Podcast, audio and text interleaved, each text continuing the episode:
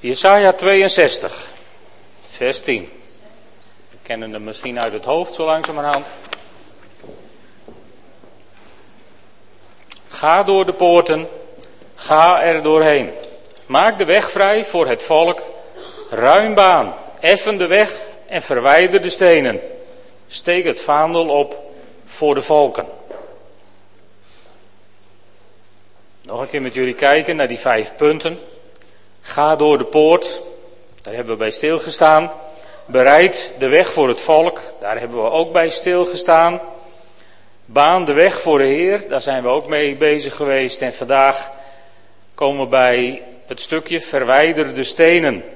En dan hebben we nog een keer hef de banier op. En daar gaan we volgende maand naar kijken. Als je dit, uh, dit vers in verschillende Bijbelvertalingen leest, dan staat er in de ene Bijbelvertaling zuivert hem van stenen als het over de weg gaat. In de andere vertaling staat ruim de stenen weg.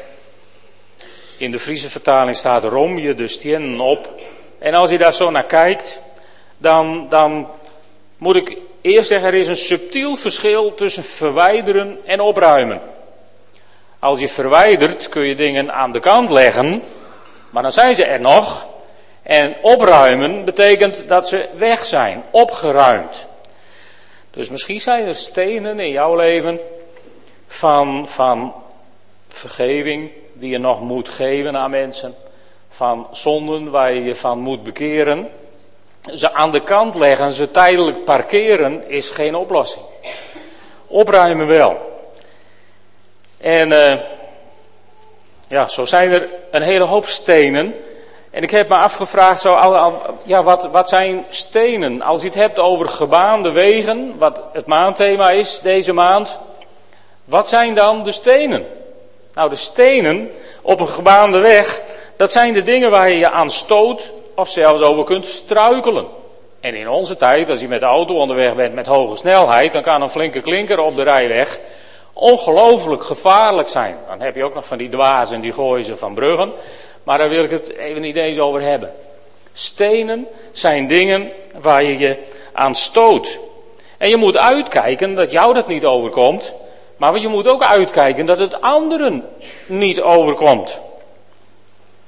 Want je kunt aanstoot nemen, je ergeren aan dingen. En je kunt aanstoot geven.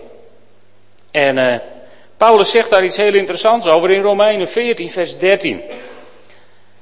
De, misschien wel de leidende tekst van deze ochtend. In Romeinen 14, vers 13, daar zegt Paulus dit. Laten we elkaar daarom niet langer veroordelen. Ik heb daar tussen haakjes achter gezet. Ons aan elkaar ergeren, aanstoot aan elkaar nemen. Maar neem u voor uw broeder en zuster geen aanstoot te geven en hun niet te ergeren. Nou, dit zijn dus twee opdrachten. Geen aanstoot nemen en geen aanstoot geven. En ik wil met het laatste even beginnen. We moeten proberen andere mensen geen aanstoot te geven. God zegt al in Jesaja 57, vers 14: Ruim baan, effen de weg voor mijn volk, verwijder elk struikelblok.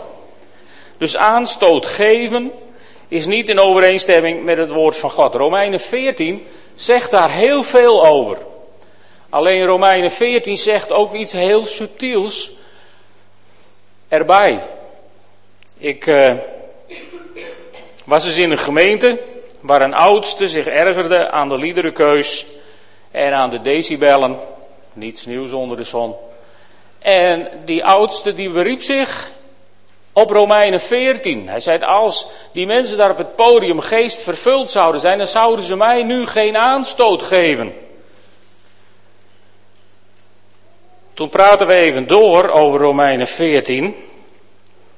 En toen heb ik hem gevraagd hoe het überhaupt mogelijk was dat ze in hun gemeente een oudste hadden met een zwak geloof. Want daar begint Romeinen 14 namelijk mee. Hè? Je mag geen aanstoot geven aan mensen met een zwak geloof. Wat betekent dat nou? Dat betekent dat als mensen door jou bezig zijn Jezus te vinden, dan moet je ze geen aanstoot geven waardoor ze misschien weer afvallen en zich alsnog bedenken.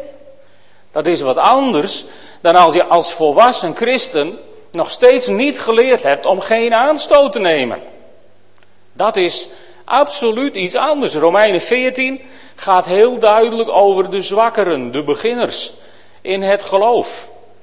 Dus als volwassen christen kun je je hier niet op beroepen. Dat is niet handig, want dan plaats je jezelf in de hoek van die zwakke christen. En volgens mij wil je dat niet. Ik denk, als je voor jezelf vraagt van geef ik ergens aanstoot, dat het heel, heel belangrijk is om het woord van God te gebruiken om je in te spiegelen. Dit is misschien wel de mooiste spiegel die we voor ons leven hebben gekregen, waar heel veel goede dingen in staan. En, en zo kun je dan in het kader van Psalm 139 zeggen: Doorgrond mij, God, en ken mijn hart. Peil mij, weet wat mij kwelt. Zie of, of ik geen verkeerde weg ga. En leid mij over de weg die eeuwig is. Of zoals, uh, zoals dat zo mooi in de berijmde psalmen staat. Doorgrond, o God, mijn hart, het ligt toch open voor uw aangezicht. Is, is dat zo? Ligt uw hart open voor Gods aangezicht? Of, of, of durf je dat niet? Heb je dingen in je hart waarvan je denkt, nou, open, open, uh, open, even goede vrienden, uh, God mag wel wat zien, maar niet alles. Zo staat het hier wel. Het ligt toch open voor uw aangezicht, toets mij, of niet een weg in mij, mij schaadt en leidt aan u voorbij. O God, houdt mij geheel omgeven en leidt mij op de weg ten leven. En het is opvallend dat de psalmdichter hier overal mij heeft neergezet in de vertaling van deze psalm. Het is veel makkelijker om jij hier neer te zetten. Hè? Het is heel makkelijk om aan de hand van de Bijbel anderen de maat te nemen en, en, en te kijken of er in die anderen ook wegen zijn die volgens ons niet deugen. Maar om nou met het woordje mij zo voor de troon van God te gaan staan, ik denk dat het heel gezond zou zijn als we dat vaker deden.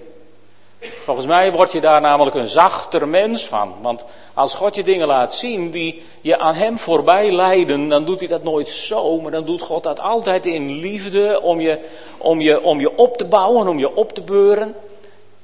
En om je zachter te maken.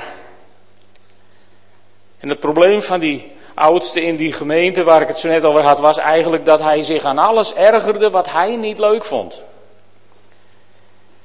En dat brengt ons aan bij de andere kant van die steen, bij het aanstoot nemen. We hebben vaak veel meer last van de aanstoot die we nemen. En de Bijbel zegt daar een paar interessante dingen over. Daar wil ik even met jullie naar kijken. Psalm 37, mag we wel even opzoeken. Ik lees eerst voor even Spreuken 27, vers 3. Een steen is zwaar, het zand is een last. Zwaarder dan beide drukt de ergernis over een dwaas. Of Psalm 37, de eerste negen versen wil ik met jullie lezen. Erger je niet aan slechte mensen. Wees niet jaloers op wie kwaad doen. Zij verdorren snel als gras, zij verwelken als het jonge groen. Vertrouw op de Heer en doe het goede. Bewoon het land en leef er veilig. Zoek je geluk bij de Heer. Hij zal geven wat je hart verlangt. Leg je leven in de handen van de Heer. Vertrouw op Hem. Hij zal dit voor je doen. Het recht zal dagen als het morgenlicht. De gerechtigheid stralen als de middagzon. Blijf kalm en wacht op de Heer. Erger je niet aan wie slaagt in het leven, aan wie met listen te werk gaat. Wind je niet op. Laat je woede varen. Erger je niet, dat brengt maar onheil. Want slechte mensen worden verdelgd en wie hopen op de Heer zullen het land bezitten. Nou, hier stond toch vaak in, erger je niet, hè? Misschien een psalm die we dus een tijdje als meditatiebron moeten nemen. In Job 5, vers 2, daar staat: Aan ergernis gaat de dwaas ten onder, van afgunst sterft de domme. Dus aan ergernis ga je ten onder, zegt het woord van God. En, en daarom wil ik vanmorgen echt een beetje, beetje met een, een beschroomd hart, maar wil ik toch stilstaan bij het feit dat we ons vaak zo licht ergeren aan dingen. Volgens mij is aanstoot nemen namelijk veel erger dan aanstoot geven. Aanstoot geven, Dat kun je doen zonder dat je er erg in hebt. Door iets wat je niet, je niet bewust bent. Je niet, maar de, de meeste aanstoot die er gegeven wordt, gebeurt onbewust. Helemaal niet met het doel om iemand nou eens flink voor zijn schenen te schoppen. Aanstoot geven kun je volkomen onbewust en per ongeluk doen. Aanstoot nemen niet. Dat is een bewuste keuze van, van zonde in mijn ogen, die je toelaat in je hart. Aanstoot nemen doe je met opzet. Daar heb je geen enkel excuus voor. En aanstoot nemen is riskant. Want we hebben gezien in Spreuken 27, een steen is zwaar, het zand is een last, zwaarder dan beide drukt de ergernis over een dwaas, staat erachter. En in Psalm 37, erger je niet aan slechte mensen. Maar wie ben jij om te beoordelen of iemand een dwaas is of een slecht mens? En toen ik dit op me in liet werken, toen dacht ik van, van wat, wat is het riskant, wat is de kans groot dat dat ergernis die we toelaten leidt tot oordelen. Die kans is als ik deze Bijbelversen zo lees, levensgroot aanwezig. En over oordelen zegt Jezus een aantal dingen. In Matthäus 7. Matthäus 7, vers 1 begin ik. Wat zegt Jezus daar?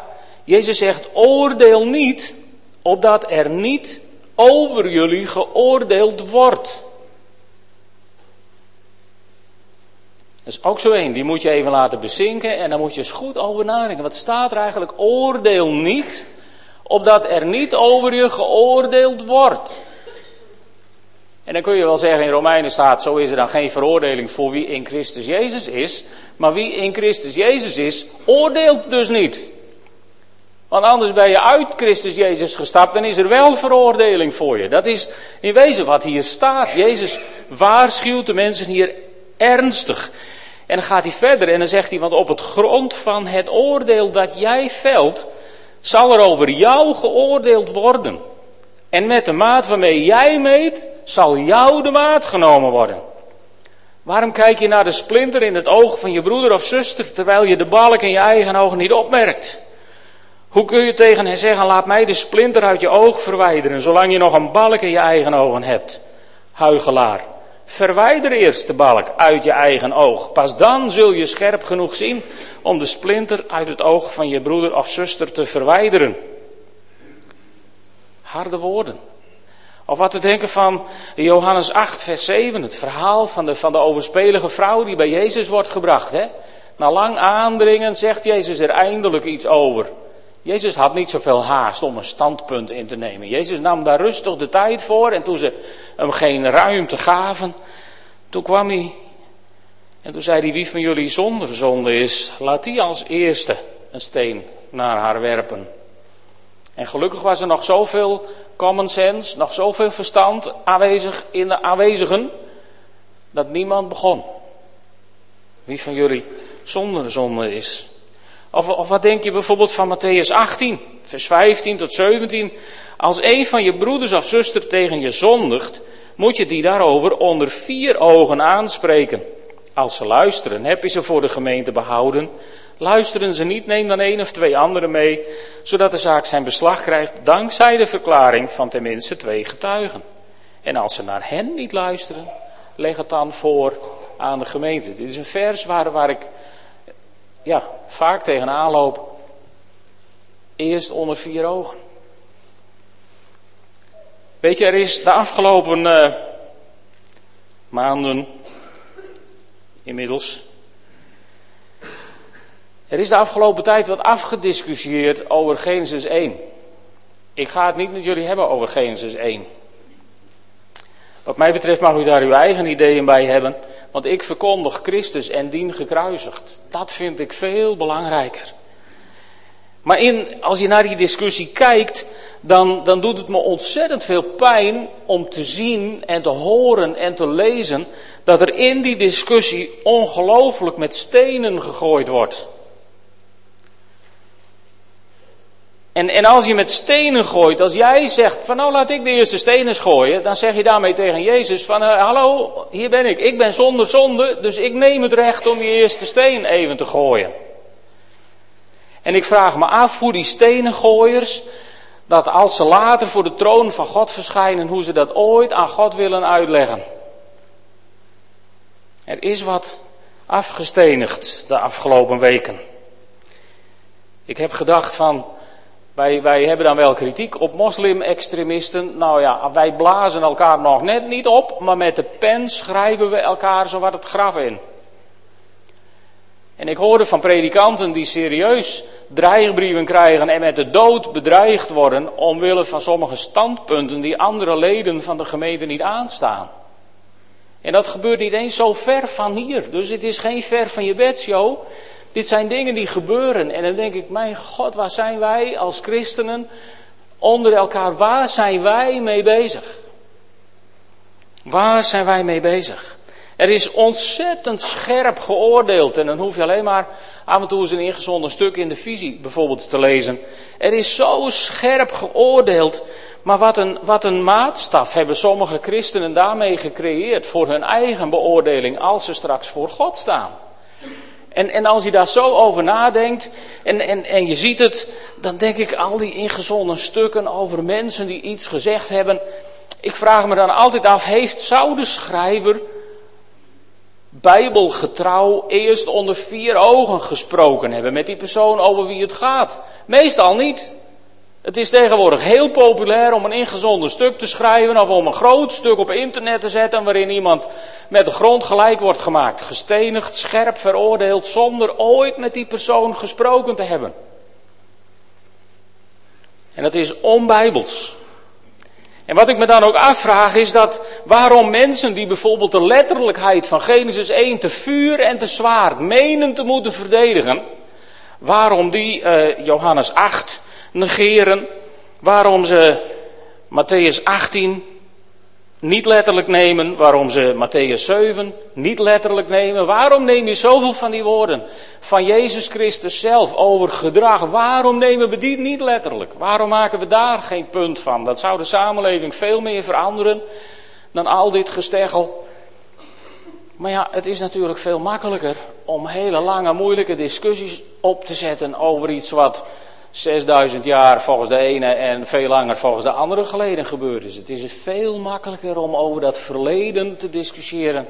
Want als je in die stukken van Matthäus terecht dan gaat het over het hier en het nu. Dan gaat het ineens over vandaag. En dan gaat het ineens over mij, hoe ik mij gedraag in het koninkrijk van God. En dat is niet zo populair. Maar het is wel nodig. Want ik, ja, ik, ik vrees dat wij als christenheid de afgelopen weken meer schade hebben toegebracht aan het koninkrijk van God door de manier waarop wij met elkaar om zijn gegaan, dan de hele evolutietheorie door de eeuwen heen voor elkaar heeft gekregen. Ik las een eh, ingezonden stuk, uh, gisteren alweer gisteren in de laatste visie, waarin, waarin een meneer schrijft, ik vrees dat er de komende tijd nog heel wat vergeving gevraagd moet worden en ik hoop dat dat ook gaat gebeuren dacht ik eindelijk iemand die het snapt. Die citeerde ook een stukje van het weblog van, van de EO, waar een niet-christen had geschreven: Als ik zo zie hoe jullie met elkaar omgaan, dan hoef ik voorlopig geen christen te worden.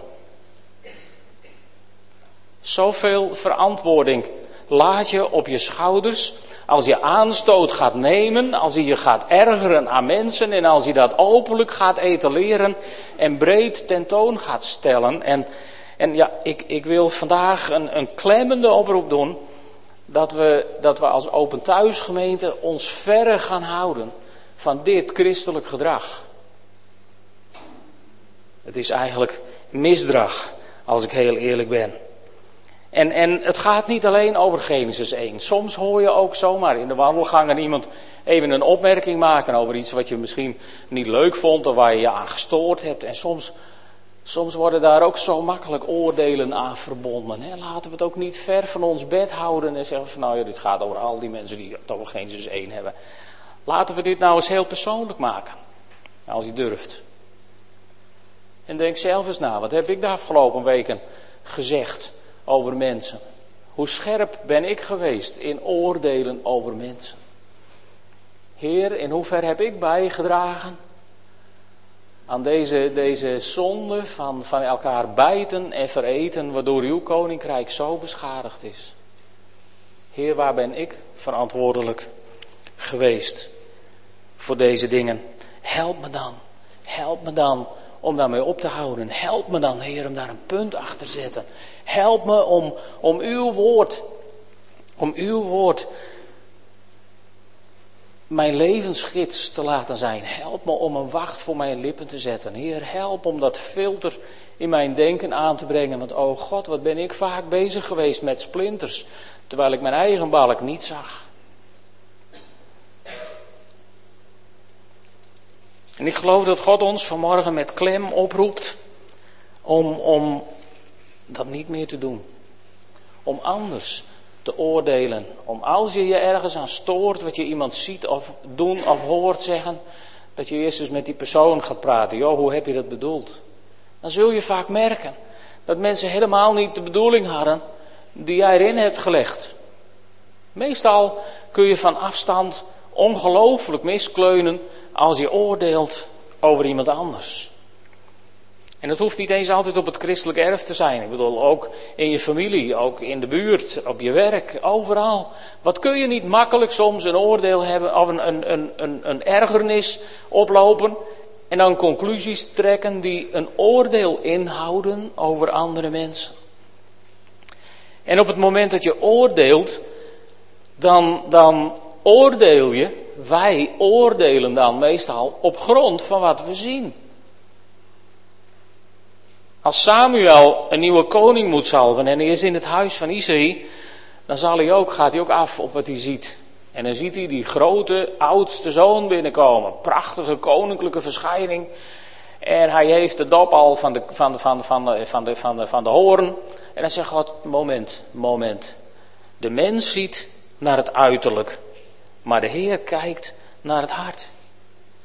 En weet je, wij hebben één beperking, wij hebben één handicap. Wij kunnen niet in iemands hart kijken. Sommige cardiologen kunnen dat wel, maar dan zien ze nog niet wat God hier bedoelt.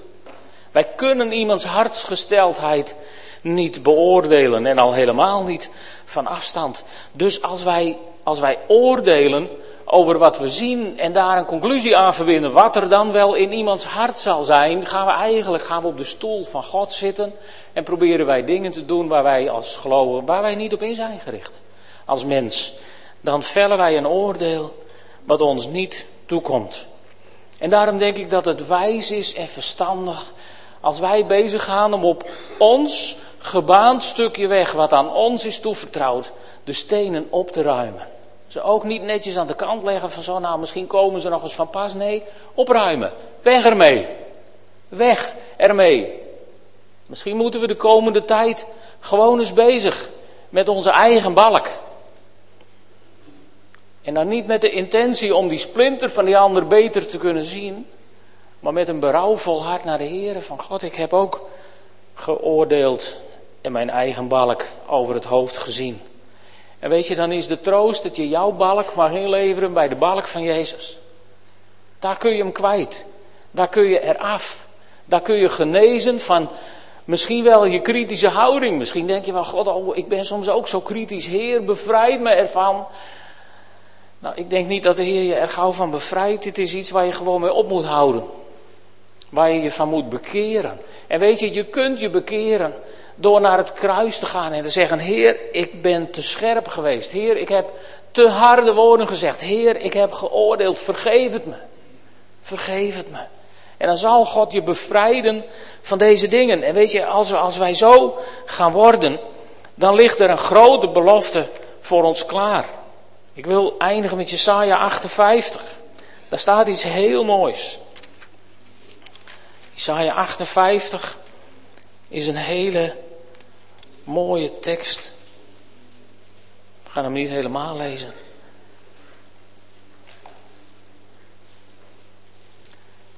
Vanaf vers 6.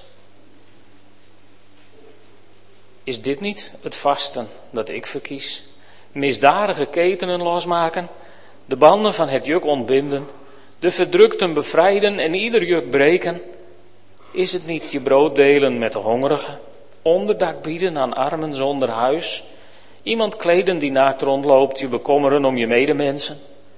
Dan breekt je licht door als de dageraad. Je zult voorspoedig herstellen. Je gerechtigheid gaat voor je uit. De majesteit van de Heer vormt je achterhoede. Dan geeft de Heer antwoord als je roept. Als je om hulp schreeuwt, zegt Hij, hier ben ik. En dan, komt, dan komen er een hele serie voorwaarden. En die eerste die dan komt, is, is heel belangrijk. Als je om hulp schreeuwt, zegt hij, hier ben ik. Wanneer je het juk van de onderdrukking uitbandt, de beschuldigende vinger en de kwaadsprekerij. Als je dat uitbandt, en dan volgen er nog meer voorwaarden, maar dit is één van de voorwaarden. En willen wij dat? Willen wij dat, dat het licht van God doorbreekt als de dageraad? In onze gemeente willen wij dat? In ons persoonlijk leven willen we dat? Durven we dat? Hebben we daar nog steeds dat verlangen naar? Dan is de eerste voorwaarde die God noemt, is dat je dat wijzen met de vinger nalaat. En dat je je vinger gewoon bestraft in de naam van Jezus. Als hij weer naar buiten wil, je zegt, in je hok. Want dat doen we niet meer. Niet meer wijzen, niet meer kwaad spreken, je niet meer ergeren. Vergeving vragen over situaties waar je dat misschien wel gedaan hebt en verkeerde woorden hebt gebruikt, andere mensen hebt gekwetst. Ik geloof dat als wij ruim baan willen voor God de Heer, in onze gemeente, in ons dagelijks leven, als wij ruim baan willen, dan is het allerbelangrijkste dat we de stenen van de baan verwijderen. En misschien zeg je, ja, maar hoe dan? Hoe dan? Hoe, hoe los ik dit op? Misschien ben je aangesproken en zeg je, ja, ik heb toch ook wel scherpe dingen gezegd. Af en toe, hoe kom ik hier weer af? Weet je, vandaag is die dag. Want wilt gij van zonde en schuld zijn verlost, daar is kracht in het bloed. Ik had hem nog niet gezegd in deze avondmaalsdienst. Er is kracht in het bloed. En als God ons oproept, als God een ernstig woord tot ons richt en ons oproept om ons te bekeren van sommige dingen die echt niet kunnen en echt moeten stoppen, dan kun je nooit zeggen dat kan ik niet. Want ik ben nou één keer zo. Want je bent niet één keer zo. Het is de duivel die je verleidt om dingen te doen die niet in overeenstemming zijn met het karakter van Jezus Christus. En daar kun je af. Er is kracht in het bloed van het lam. Zullen we gaan staan en samen bidden?